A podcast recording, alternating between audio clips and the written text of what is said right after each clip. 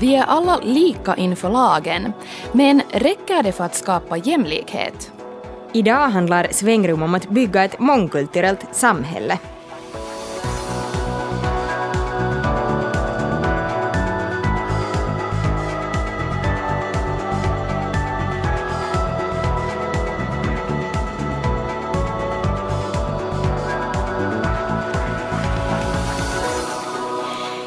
Idag ska Svängrum handla om olika sätt att hantera ett mångkulturellt samhälle. Och det är kanske inte helt fel att fundera på det med tanke på de oroande och populistiska recept som flera av våra nyinvalda riksdagsmän har erbjudit. Vi kommer att höra två debattörer som har olika åsikter om ifall man borde särbehandla vissa grupper för att ge alla samma möjligheter. Och dessutom besöker vi en svensk skola som är världskänd för sitt sätt att integrera olika kulturer, nämligen Rinkebyskolan. Och sist i sändningen besöker vi en stad med flera religioner där samexistensen inte alltid löper helt friktionsfritt. Uh, in Jerusalem it's all over you. Everywhere you go it's, it's uh, another culture. Vart man än går möts man av en mosaik av kulturer och jag älskar det. I Gamla stan kan man höra en minaret i ena stunden och kyrkklockor i den andra. Det finns ingenting liknande någon annanstans i världen.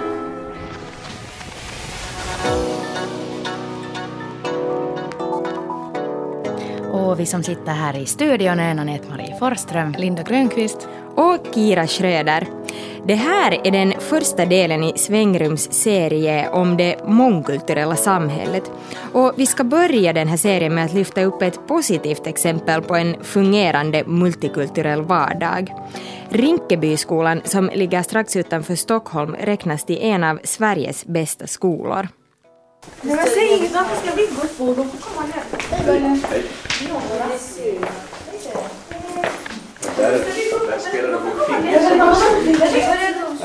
En skola mitt i världens by.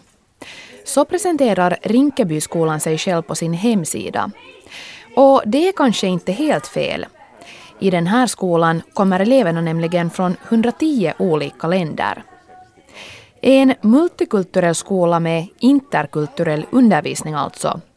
Och åtminstone Hiba och Kikki som går i åttonde klass trivs. Alltså okej, okay, vi bor i Sverige, vi, vi har lärt oss Sverige, alltså vi vet hur Sverige är och allting. Men det är väldigt bra att ha mångkulturell skola. Ja, det, är, det är bra att det är många från olika länder så att man lär, alltså man lär sig att liksom kunna respektera alla och sådär. Andelen invandrare i Rinkeby är hög. Runt 90 procent av befolkningen är invandrare i första eller andra generation. Det här har tidigare kastat ett något negativt sken över stadsdelen. Men nu håller ryktet på att putsas upp, inte minst tack vare Rinkebyskolan. Skolan är nämligen internationellt känd och uppmärksammas ofta som ett exempel på hur ett mångkulturellt samhälle fungerar som bäst. Och sen Nobelprisvinnaren i litteratur Mario Vargas Llosa besökte skolan och hyllade den till skyarna så har allt fler utländska medier uppmärksammat skolan. Rektor Börje Erstrand berättar att ett tyskt TV-team till exempel sände hela 13 nyhetssändningar direkt från skolan. Men vad är då egentligen receptet bakom framgången? Ja, framgångsreceptet det är att vi har accepterat att vi är en mångkulturell skola. Men vi har också insett att framtiden den är mångkulturell. Alla språk och kulturer kommer att mötas i det globala samhället och eh, det är viktigt att våra barn får den sociala kompetensen så att de kan fungera inte bara i Sverige utan på en europeisk arbetsmarknad och även globalt. För så ser framtiden ut. Den är inte finsk, svensk eller norsk. Den är europeisk och internationell. Nå, vilka är de största utmaningarna i vardagen då när man har en skola där man har elever med så många olika kulturella bakgrunder? Eh, den största utmaningen det är ju att bygga upp kommunikationsmöjligheterna för barnen. Att snabbt lära dem svenska vilket blir det naturliga kommunikationsspråket här. Där barnen kommer från 110 länder och talar 70 olika språk. Då måste man satsa på det som förenar. Men för den skull ska man inte förringa barnens ur, ursprung utan deras modersmål är också viktigt. Både nu för att stärka deras självkänsla och bygga upp deras självförtroende men också i framtiden på den svenska arbetsmarknaden så är det ovärderligt att ha kontakter mot hela världen. Så det gäller att bygga upp dem så att de blir bra kontaktnät mot övriga världen. Jag menar en kines gör mycket bättre affärer med Kina än en svensk som har läst om kinesisk kultur. Den svensken gör bort sig. Men kinesen, han är inte lika lättlurad och inte spanjoren från Latinamerika heller. Så vi tar vara på deras kompetens som en investering i framtiden. Det allra viktigaste är alltså att lära eleverna språket. Och de nyanlända eleverna får intensiv undervisning och handledning. Jag träffar några av de elever som inte har bott i Sverige mer än i ett par veckor. Vad heter du? Natnair. Mm. Stephanie. Jag heter Mohammed. Jag heter Tiasha. Jag kommer från Bangladesh. Jag kommer från Somalia. Jag kommer från Amerika. Jag kommer från... Lärare för de nyanlända eleverna är Lisbeth Sitra. Där har vi utmaningen att vi har så många olika individer. Vi, vi har, jag har precis för en kort tid sedan fått en analfabet från Somalia som aldrig har haft möjlighet att gå i någon skola och är 15 år gammal. Och jag har här då en flicka som har fullständig skolbakgrund i åtta år på engelska. När man kom, kommer i en klass där ingen har ett språk gemensamt. Alla har sina olika språk, alla har sin religiösa bakgrund, alla har det, detta som kallas kultur, kulturella bakgrund. Då gäller det att få någonting som blir gemensamt så fort som möjligt. Nå, vad är det som driver dig? Det som driver mig som lärare det är att, att se det mötet, mötet med människan. Man kan väl inte vara lärare om man inte är nyfiken. Nyfiken på människorna, nyfiken på och, och hur, på att se framsteg. Och framförallt känslan i just det som jag beskrev här, att vi får, när vi får någonting gemensamt på ett språk. Det finns ju folk som säger att varför arbetar du där, det är så svårt. Flytta till någon annan skola. Nej, varför det? Och då säger jag att ja men eh, du, för där kan kanske vem som helst vara lärare, men det kan man inte här. I en skola med så många elever med olika bakgrund blir ord som respekt och tolerans viktiga. Och Rinkebyskolan har en likabehandlingsplan som de följer. Där är det ju oerhört viktigt att barnen lär sig respekt för andra och det som är annorlunda. Men för att få respekt för det som är annorlunda så måste man ju lära sig vad det, det som är annorlunda går ut på. Så till exempel muslimer, vad är det för en religion? Man ska inte bara döma ut den utan man ska ju lära sig vad som är bra i de olika religionerna. Framförallt vad som förenar till exempel muslimer, kristna, judar. Det finns ju mycket som förenar. När jag växte upp i Finland då var det väldigt vanligt att man skulle lära sig att kristendomen, man lärde sig lite om alla religioner men kristendomen var ju den överlägsna. Men här ser vi det lite tvärtom. Alla religioner har ett inre budskap och det är viktigt att det kommer fram. Och eh, vill man lära sig respektera andra religioner då måste man ha kunskap om dem. Och eh, därför ska man först lära sig det gemensamma och utifrån en gemensam utgångspunkt så är ju vi människor olika. Vi ser olika ut, vi tror, vi tycker, vi tänker olika. Men vi vill ha respekt för den vi är och vår egen art. Och den respekten vinner man lättare om man har stor kunskap om varann. Diskriminering är strängt förbjudet i Rinkebyskolan. Men i likabehandlingsplanen tar man också upp indirekt diskriminering. Det är när man tillämpar bestämmelser som verkar vara neutrala och lika för alla, men där man ändå i praktiken missgynnar vissa elever, till exempel på grund av att de tillhör en annan religion.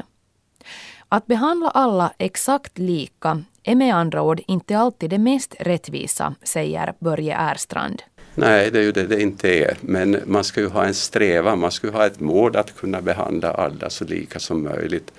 Eh, men vägen är ju inte utan problem utan man måste ju lära sig att hitta lösningar, fokusera, ha ett, eh, en lösningsfokusering när det gäller att bemöta andra människor.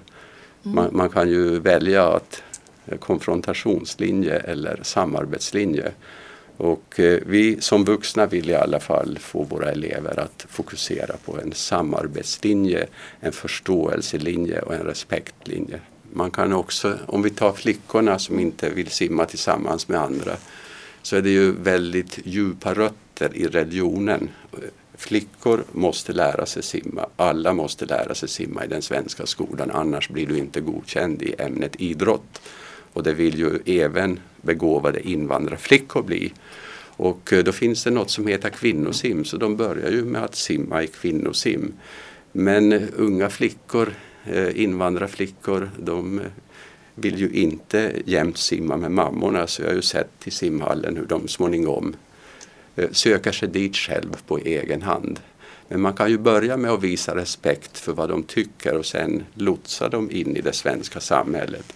För målsättningen är ju att den ska kunna fungera fritt och med respekt i det svenska samhället.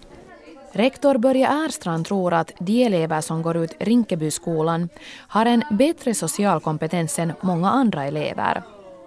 För dem är det naturligt att komma överens och samarbeta med olika människor och de är bättre skickade att klara sig i en global och multikulturell verklighet. Eleverna själva verkar däremot inte reflektera över sin verklighet som något annorlunda. Att de flesta elever har invandrarbakgrund är inte det minsta konstigt. Och Hiba och Kikki är egentligen mest intresserade av helt vanliga saker. Som att hänga med kompisar och fundera på vad de vill bli som vuxna. Jag är inte direkt någon som säger vad jag vill bli för det, det är inte så alltid det kan hända men man drömmer ju liksom om att få bli barnsköterska eller något sånt. Mm. Har du några drömmar? Ja, skådespelare. Okej. Okay. Mm. Får se.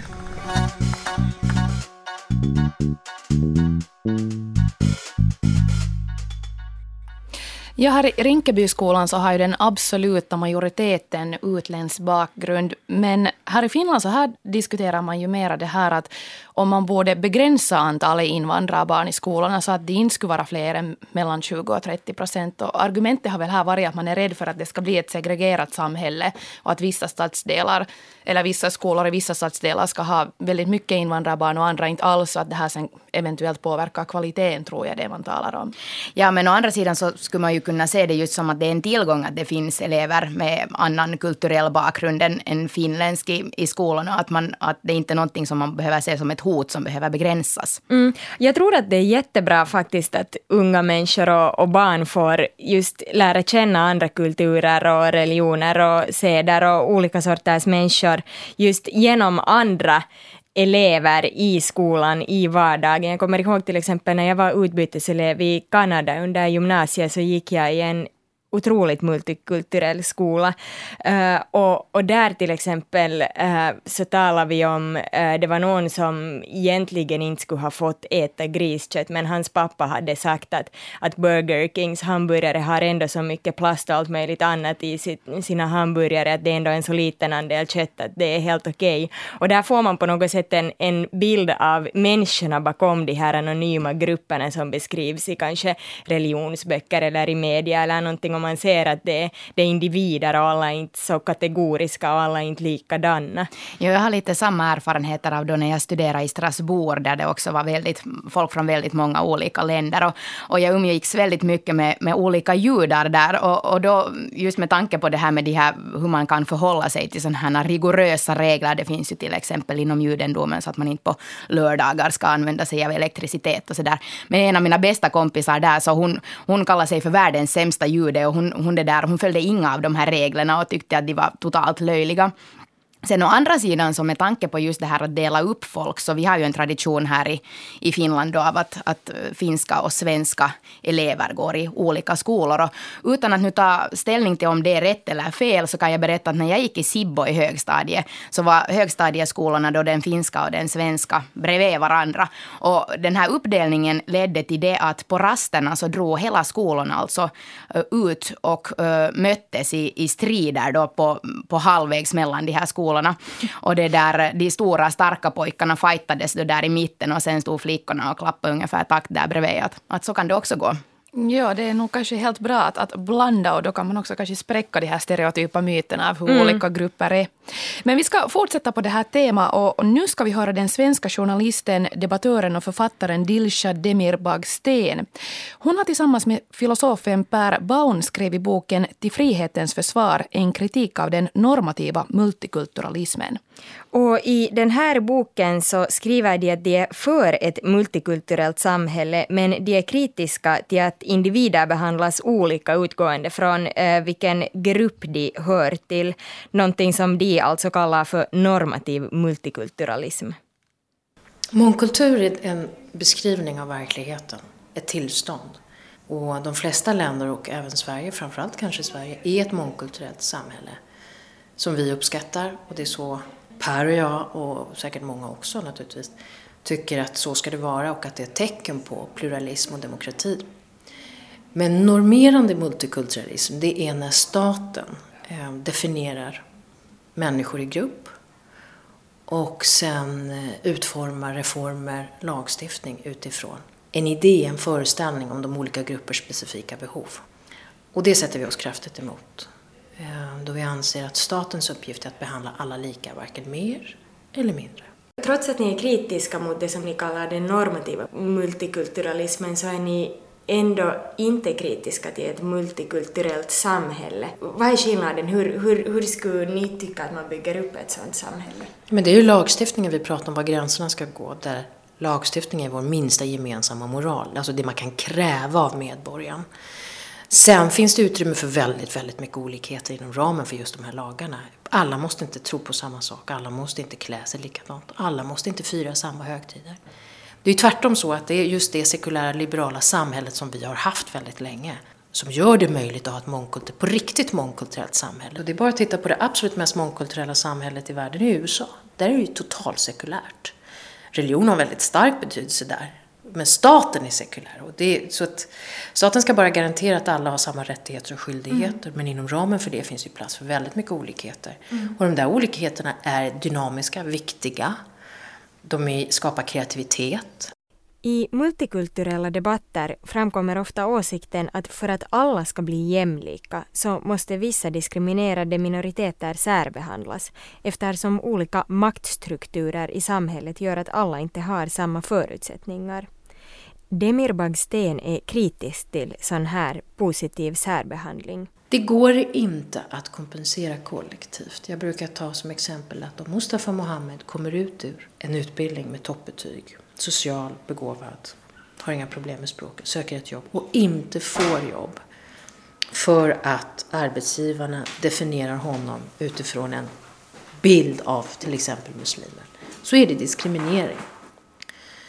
Men att svara med då att ge de religiösa samfunden mer anslag för att man vet att det förekommer sånt, det hjälper inte Mustafa Mohammed. Han kanske rent av har konverterat till buddhismen, han kanske är ateist, han kanske är religiös men har ingen som helst samhörighet med de religiösa samfunden. Och han kanske först och främst definierar sig som tvåbarnspappa som kör motorcykel. Han blir inte behjälpt på något sätt. Så man kan endast kompenseras och hållas ansvarig också individuellt. Hur kan en sån kompensation då se ut individuellt? Det är ju när det gäller arbetsmarknaden så får man i stora hela så är det en attitydsförändring som måste till men där lagen ska hålla sig borta. Men sen är det ju det där med diskrimineringslagar som säger att om man diskriminerar någon, det är därför vi har diskrimineringslagarna, så måste vi vara mer effektiva diskrimineringslagar. Men hurdana är då de undantagsrättigheter som Demir Bagsten kritiserar? Vi diskuterar bland annat en svensk lag som tidigare gav icke-svenska medborgare rätt att gifta sig redan som 15-åringar, trots att svenska medborgare fick göra det först vid 18 år. Men varför får icke-svenskar gifta sig redan vid 15 års ålder, vilket vi vet är, har varit ett ganska bra argument för föräldrar att utpressa döttrar till tvångsäktenskap. Och då var argumentet just att man måste respektera andra kulturer och jadda jadda. Som om du vet att man genetiskt har andra behov bara för att man inte är född svensk sedan x generationer tillbaka. Det här var ju någonting som FN rapporterade på Sverige om barnäktenskap. Men Sverige var mycket finare förstår än FN och visste mycket bättre vad invandrare hade för behov. Och det är ju en gammal lag som kommer just ifrån ja, kristna värderingar och det är KD som tycker att det är bättre att folk är gifta och har sex än att de går omkring och har liksom sex utanför äktenskapet. Men nu har man stramat åt praxis än en gång. Men det som uppmärksammade dem på den här lagstiftningen var just invandrarkvinnor som var väldigt upprörda. Idag får ingen gifta sig under 18 år utan specialtillstånd. Nu gäller alltså samma lagar för både svenska medborgare och andra. Också den här diskussionen kretsade i praktiken mycket kring muslimer, vilket många multikulturella debatter tenderar göra. Men Demir Bagsten visar på många andra grupper som är intresserade av undantag eller lagar som gynnar deras åsikter. Religiösa samfund får juridiken med sig, lagen på sin sida när de diskriminerar kvinnor. Katolska kyrkan måste inte anställa kvinnor, men det ska inte stå i svensk lagstiftning att de ska slippa det. Det finns ju flera, massor med sådana exempel på Jehovas vittnen som, i och för sig inte ensamma, men som, som begärde tidigare att slippa göra värnplikt för att de var Jehovas vittnen. Inte på grund av sjukdom och, eller något annat sådär. Ett annat är det psykiska, där man inte får ha någonting ovanför turbanen. Och då var det en kille som ville åka motorcykel och vägrade använda hjälm för att stred emot hans tro. Men ingen måste köra motorcykel. Om han tycker att det är så viktigt att han absolut inte kan bära hjälm, nej, men då får han hoppa över det. För hjälmen är inte till för en uppvisning, utan det är hjärnskador man kan få om man trillar. Demir Bagsten är oroad över den motreaktion i form av diskriminerande förbud som kan uppstå när vissa grupper får specialrättigheter eller när religionen vinner plats och till exempel nya blasfemilagar hindrar religionskritik. Ja, burkaförbudet är ett sånt, minaretförbud, alltså det har ju varit många förbud som en reaktion på um, att, man, att vissa samfund får mer pengar, att man på fullt allvar överväger blasfemilagar. Så har det kommit en backlash som är lika farlig den, som vill förbjuda istället. Mm. Så att juridiska åtgärder brukar oftast användas som just symbolhandlingar.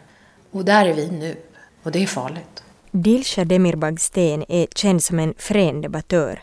Hon kom till Sverige som sexåring och är född i Turkiet i en kurdisk nomadfamilj med en troende muslimsk mamma och en ateistisk pappa.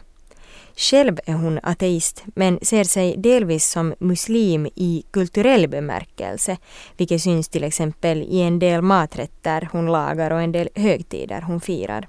Hur påverkar dina egna erfarenheter i skärningspunkten mellan olika kulturer din inställning till de här frågorna? Egna erfarenheter är ju väldigt bra att ha för att liksom sätta kött och blod, men det är, den egna erfarenheten är aldrig en intellektuellt hedligt underlag för en principiell debatt.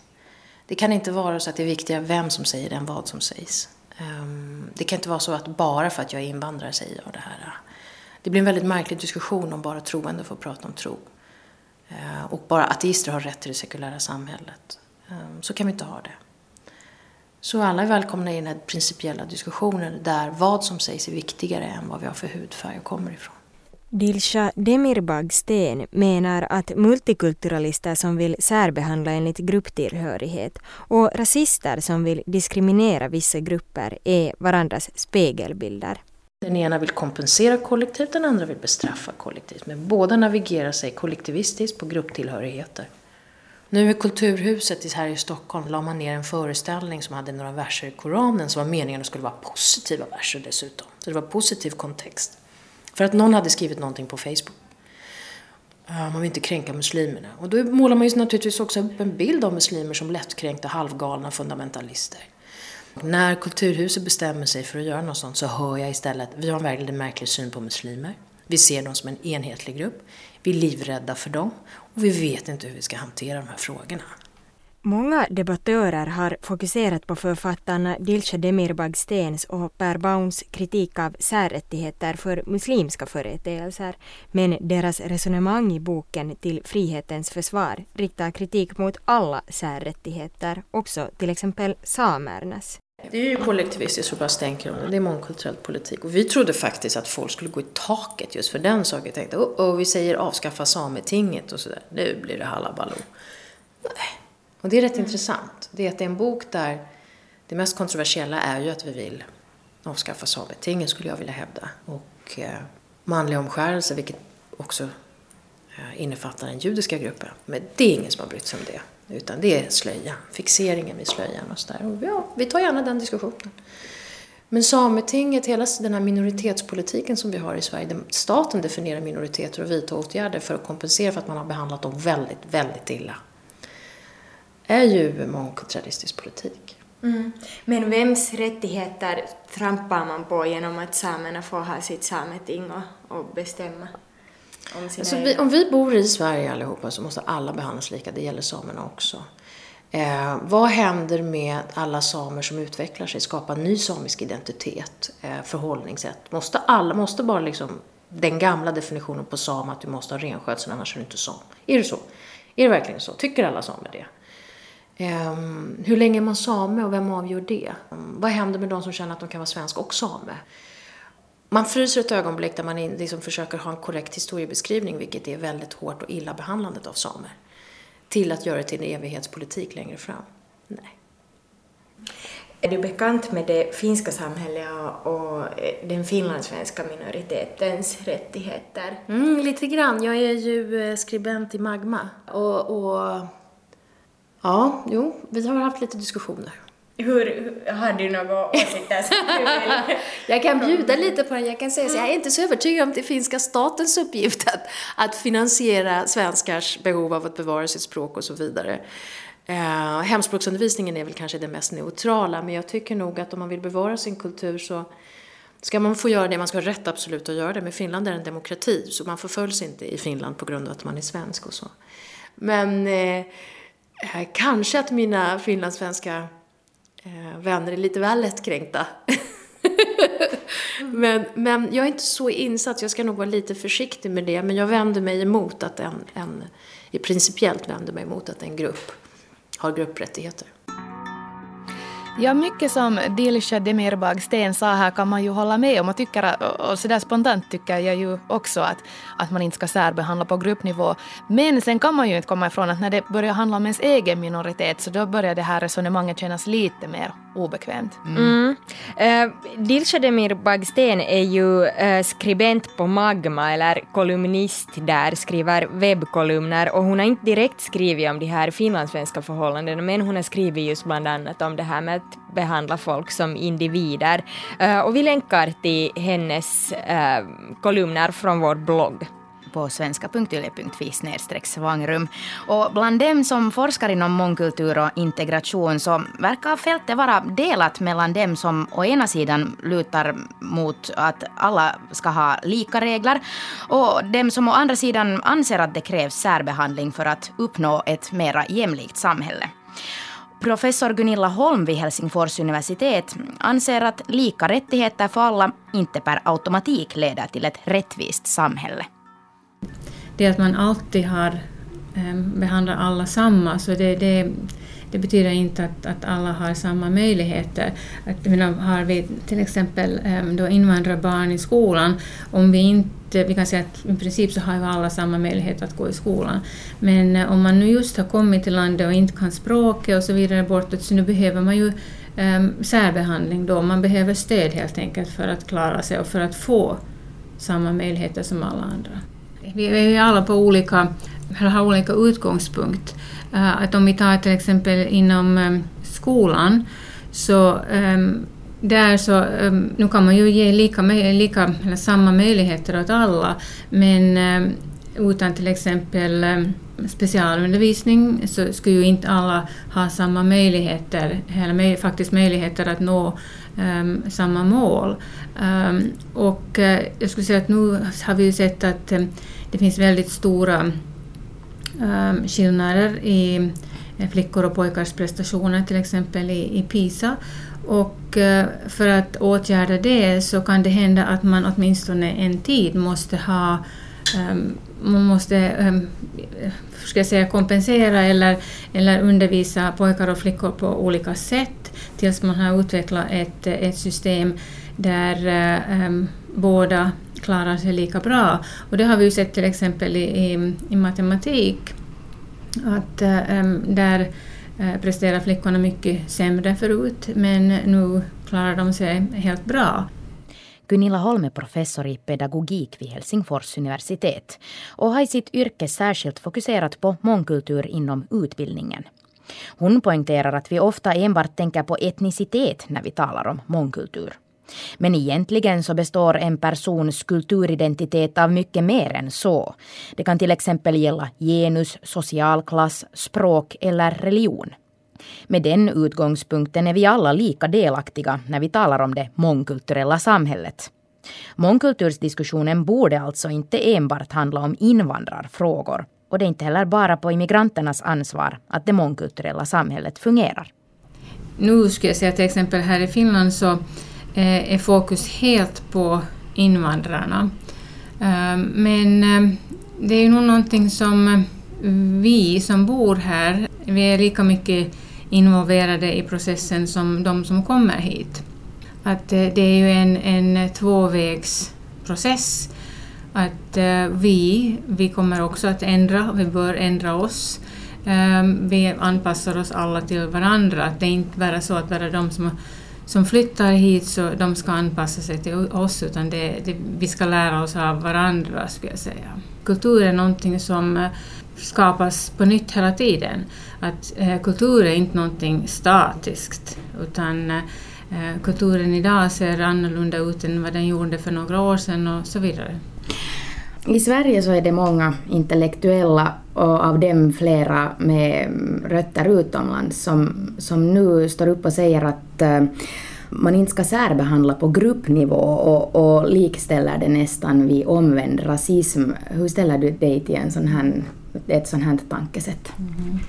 Ja, det är väldigt komplicerat skulle jag säga. Ehm, jag tycker nog att de har rätt på det sättet att, att man skapar också problem eh, med särbehandling. Ehm, men det beror lite på vad man gör det tycker jag. Ehm, men att det är alltid problematiskt att behandla människor på gruppnivå. Eh, för att eh, om vi tar begreppet invandrare till exempel.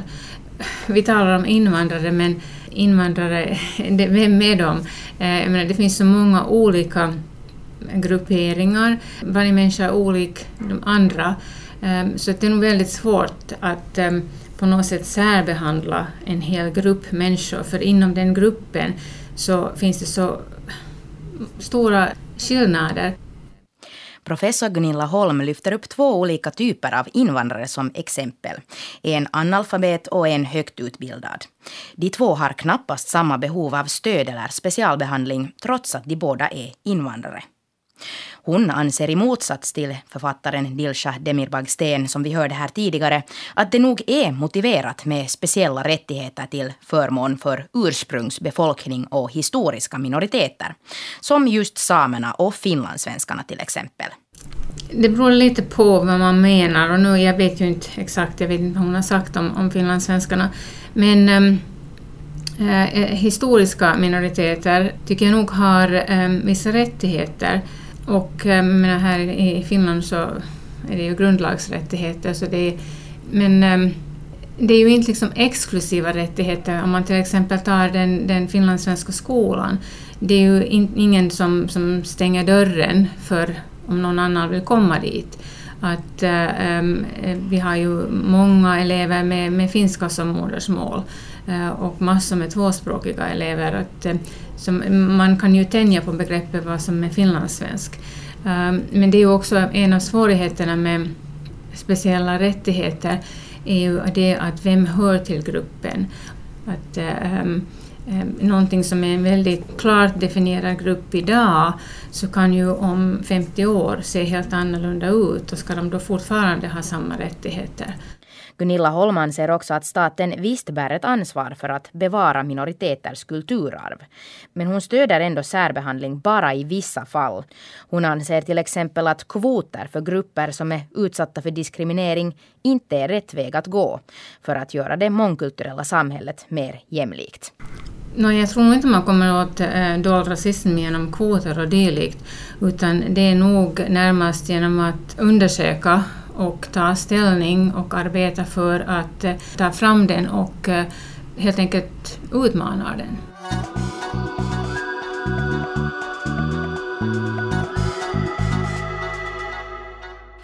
Ja, det som vi kan börja med att konstatera här är ju att professor Gunilla Holm inte debatterar direkt med Dilsa Demirbag-Sten utan, utan det där han um, talar mera på så här idénivå om de här frågorna. Och vi har ju inte heller bett Gunilla Holm att läsa den här boken till frihetens försvar så att man kan inte liksom se det som att det är en diskussion på det viset mellan dem direkt. Nej, de har ju inte heller intervjuats vid samma tillfälle och, eller träffat varandra. Nej. Men det verkar ju ändå som att de i det stora nog så där principiellt är av samma åsikt. Att, att särbehandling på gruppnivå är någonting problematiskt. Men att sen å andra sidan så kanske Demir Bagsten är, är mera kategorisk och vill på något vis uh, få igång också en diskussion och, och provocera. Det tror jag definitivt. Hon är ju nog känd i Sverige faktiskt för att ha just kanske nästan lite provokativa åsikter. Hon har många gånger sagt att hon är inte rädd för att sticka ut. Att hon vill ha en debatt och hon är inte heller på det sättet rädd för att missuppfattas för att hon är så ofta framme i medierna i Sverige att hon säger att hon kan sen korrigera om någon har missuppfattat i nästa intervju. Mm, de kanske diskuterar på lite olika nivåer. Att medan Demi Bagsten just diskuterar på en principiell nivå, det handlar mycket om sekulära lagar och minoritetspolitik, så sen den här Gunilla Holm och de som vi hörde i Rinkebyskolan, de har kanske ett mer praktiskt förhållningssätt till de här frågorna. Jo, och sen så finns det ju nog nyanser som inte rymdes med här heller, till exempel i den här intervjun med Demir Bagsten. Hon sa bland annat att hon nog givetvis tycker att nyanlända invandrare behöver vissa stödåtgärder när de kommer till Sverige. Men å andra sidan sa hon att hennes barn som är tredje generationens invandrare, de har ingen behov av den här sortens stödåtgärder och hon tycker inte om när, när man då buntar ihop alla, alla de, eller de olika sorters människorna till gruppen invandrare eller till muslimer eller någon annan sån här konstgjord grupp. Mm. Och det som är jättespännande tycker jag är det här ordet tredje generationens invandrare. Att man undrar ju hur länge man är invandrare. Slutar man aldrig upp och vara det? Att blir man aldrig svensk eller finsk? Mm. Mm. Man kan ju hoppas att när våra nordiska och europeiska samhällen har fått vänja sig lite mera vid invandring så skulle man sluta upp just med det här att i ente generation kalla folk för invandrare. Men man får väl se hur det går. Mm. Eh, sen senare i den här serien om multikulturalism så ska vi höra en av eh, invandrar, eller kandidaterna med invandrarbakgrund i årets riksdagsval, nämligen Hussein Mohammed, som menar att eh, när man talar om att införa sådana här olika specialåtgärder för eh, minoritetsgrupper så är det ofta ängsliga myndigheter som lyssnar på sådana här ganska extrema element i de här grupperna och inte kanske majoriteten som alls vill ha några specialåtgärder. Mm, förutom när det gäller finlandssvenskarna då.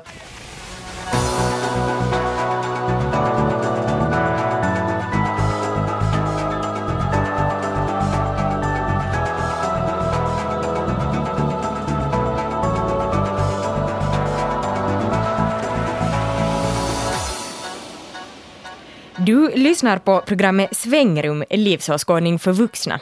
Och nu ska vi till en plats där många kulturer lever sida vid sida på gott och ont, nämligen Israel. I Jerusalem lever judar, araber och kristna sida vid sida i vardagen. Och dessutom finns det olika inriktningar inom judendomen som inte alltid kommer överens.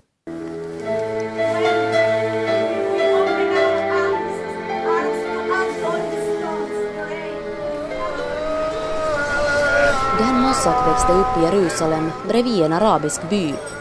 Varje morgon vaknade han till ljudet av en minaret. Det blev en del av hans liv. You can feel it with the senses, smells, uh, church towers, bells. Uh, in Jerusalem it's all over you. Uh, everywhere you go it's, it's uh, another culture. Du känner det med dina sinnen, dofterna, kyrktornen, klockorna. Vart man än går möts man av en mosaik av kulturer och jag älskar det. I Gamla stan kan man höra en minaret i ena stunden och kyrkklockor i den andra. Det finns ingenting liknande någon annanstans i världen. Den har många vänner från andra religioner och kulturer, de flesta är från studietiden. Ett annat ställe där starka vänskapsband knyts och tolerans skapas är paradoxalt nog armén. Everyone thinks that the army is something so negative. In the case of Israel, the army actually exposed me to faces in the Israeli society that maybe I wouldn't see otherwise. Armén anses av de flesta vara något negativt. För mig var det så att armén blottade ansikten i det israeliska samhället jag annars aldrig hade fått se. Det är en otrolig smältdegel för olika kulturer. Den nämner ryska migranter, araber, beduiner och till och med ultraortodoxa judar bland sina vänner. Konflikter mellan sekulära judar och ultraortodoxa judar är vad den ser som det stora problemet i samhället. Dem emellan uppstår mycket spänningar. You don't have to love my way of life but you have to accept it because that's what I chose. And the fact that I chose differently from you doesn't make me less of a Jew than you are. Du behöver inte älska mitt sätt att leva, men respektera det. Det att jag valde annorlunda gör mig inte till en sämre jude än du är, säger den. Han hoppas att alla kunde ha samma utgångsläge, men så är det inte. Ortodox betyder ren lära och de ultraortodoxa anser att deras sätt att utöva religionen är det enda rätta. There were times I was very aggressive and uh, who are they to tell me what's right and uh, uh, because they're really trying to impose things on us. Public transportation on Saturday. Det gjorde mig till och med aggressiv som yngre. Vilka är de att komma och säga vad som är rätt för mig? De försöker verkligen tvinga saker på oss, som att förbjuda kollektivtrafik på lördagarna då det är sabbat. Många är rädda för de ultraortodoxa, speciellt efter att ett bageri nyligen blev nerbränt när det sålde vanligt bröd gjort med jäst och mjöl på fel tid, vilket är hedelse för de ultraortodoxa. Många förargar sig också över det faktum att de är befriade från armén, medan det vanliga är att israeliska män tjänstgör i tre år och kvinnorna i två år.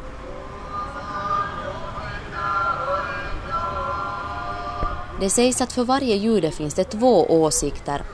Samhället är så pluralt i Jerusalem, vare sig människorna vill det eller inte, att även om du inte tycker om de andra är det bäst att komma överens. Verkligheten för någon som inte är född och uppvuxen i Israel kan vara en helt annan.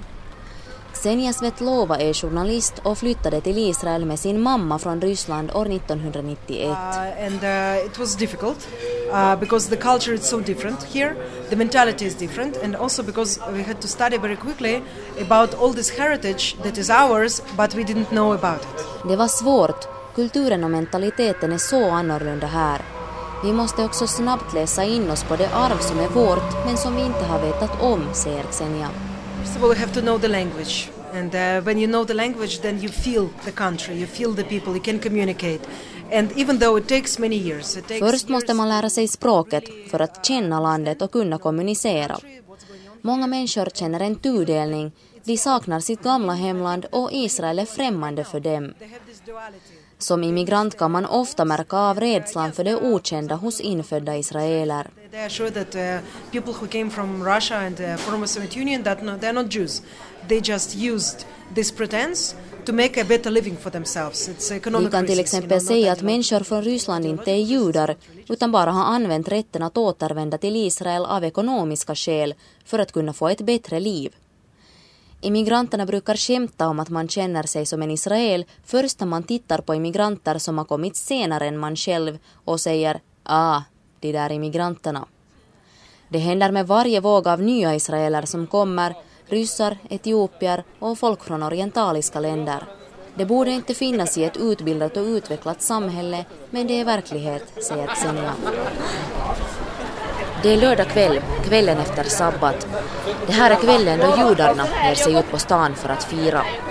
Här, på den största gågatan i Jerusalem, Ben Yehuda, kan man både se och höra diversiteten av judar i staden. Man kan höra engelska, hindi, hebreiska, ryska och se allt från blondiner till etiopier. Senja bryr sig inte om nationaliteter. Själv är hon gift med en man från Tadzjikistan och hon säger att det hela tiden förekommer äktenskap mellan judar av olika ursprung. Men äktenskap mellan olika religioner? Aldrig. Det är dessutom praktiskt inte ens möjligt i Israel där det inte finns borgerligt äktenskap. På Xenias bröllop fanns palestinier, judar, israeliska araber och till och med palestinska militärer sen jag berättade att en gäst bittert frågade om faktiskt alla var inbjudna. Det görs många försök att komma över konflikterna mellan judar och judar och mellan judar och muslimer. Den ortodoxa rabbin David Rosen är ansvarig för samarbete mellan religionerna vid den amerikanska judiska kommittén.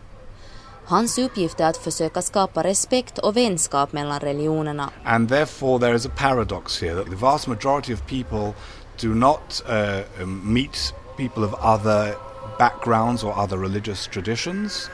Um, Generellt sett existerar inget samarbete mellan religionerna. Det är en paradox att de flesta aldrig träffar någon med annorlunda religion eller bakgrund. Det samarbete som görs är fint men förekommer bara mellan en väldigt liten del av människorna. Khalid har israeliskt medborgarskap och kallar sig själv israelisk arab och muslimsk palestinier. Han läspar smått, har en svart läderrock och säger så som det är, men inte på band. Han lever i en verklighet där israelerna ser honom som palestinier och palestinierna ser honom som en svikare. I den bästa av världar kunde han vara en brobyggare mellan folken men som han uttrycker det är hans stat Israel i krig med hans folk palestinierna. Enligt David Rosen är orsaken till att det är så svårt att få fred i regionen det att politikerna glömmer att beakta den religiösa dimensionen i fredsprocessen. Det gäller också de europeiska och amerikanska beslutsfattarna involverade i konflikten. Khalid är cynisk när det gäller det här. Kärlek och samexistens mellan folket är något som aldrig kommer att uppnås. En orsak är att många generaliserar och ser moderata Jerusalembor som likvärdiga med Ahmed självmordsbombaren. Det gör inte Dan, även om han bevittnade en självmordsattack som 19-åring. I hope that I overcame it. Because if you let such a thing change you, you're, you're losing the bigger war. Låter man en sån här sak förändra en förlorar man det större kriget, säger Dan. Dan ser Jerusalem som kokpunkten i konflikten. Platsen är helig för tre miljarder människor och det finns inte en tum som inte har tusentals meningar för de kristna, judarna och muslimerna. You can draw like a million lines over there and each line you will draw will not solve the problem. Each line you will draw, one of the sides will be unhappy. Man kan dra miljontals linjer där, men varje linje kommer att göra någon missnöjd. Det är en sådan röra, balagan som man säger på hebreiska. There is so much emotion and intensity in Jerusalem that it is like uh, the fire is already there. You just need a spark. Här, i hjärtat av gamla Jerusalem, kan man verkligen se hur delad staden är. Ingen annan plats i världen är helig för så många religioner. Här vid västra muren, eller klagomuren, ber judarna och ovanför, uppe på Tempelberget, ligger muslimernas heliga Al-Aqsa moské. Dit har judarna inte tillträde, förutom två timmar om dagen. Läget är ändå långt ifrån okomplicerat, som det mesta i det här landet. När dåvarande premiärministern Ariel Sharon gick upp på Tempelberget i början av 2000-talet bara för att ta sig en titt blev det början på den andra palestinska intifadan. Den tidigare utrikesministern Abba Iban brukade säga att det finns för mycket historia på för litet geografi. Det är Khalid beredd att hålla med om. Israelerna måste se problemet med segregationen av oss israeliska araber, annars har vi en tredje intifada på kommande, säger han och tillägger att han inte ser någon framtid för sina barn i den här delen av världen. Allt fler vill ha jihad och då rycker inte bara judarna med, utan också vi, jag och du. När kriget kommer kan man aldrig veta. Det kan vara om 15 minuter.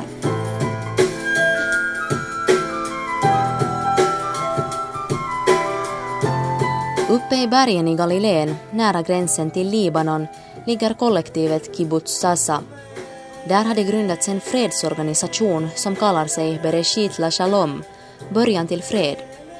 Judar med olika etnisk bakgrund, araber och en drus, alla i tonåren, visar mig ett skådespel. utan ord eftersom en del inte talar hebreiska och andra inte kan arabiska. Utan ord och med bara musik, rörelser och vita masker för ansiktet berättar de sin historia. Det är en historia om frustrationen över status quo. Desperationen över den långa konflikten. Rädslan för döden. Och hoppet.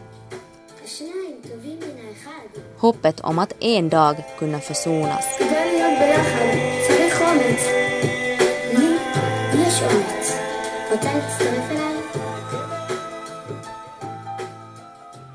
Det var Liselott Lindström som här rapporterade från Jerusalem.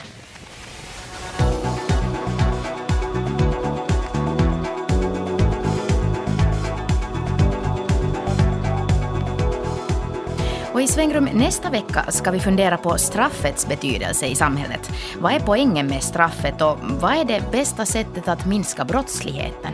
Då ska vi bland annat träffa en före detta bank och värdetransportrånare som heter Iba Sevebjörk och han har suttit inne både i Danmark, Sverige och Finland. Alltså det, det, det är så att jag förstår ju att, och, och speciellt individer som jag som sysslade med väldigt grov organiserad brottslighet, där finns det inget annat än fängelsestraff. Poängen är dock att fängelsestraffet måste fyllas med ett innehåll. För annars måste man ha livstidsstraff på alla, för att då är man mycket farligare när man kommer ut än vad man var när man kom in. Det här var allt för den här gången från Svängrums sida. Mm, och vi finns också på Facebook och på Twitter, så följ oss på Twitter och gå med i svängrumgruppen så får du veta allt det senaste. Och så kan du såklart höra av dig till oss till exempel per mail och då är adressen svangrum.yle.fi. Vi hörs nästa vecka i brottets och straffets tecken. Hej tills dess. Hej hej.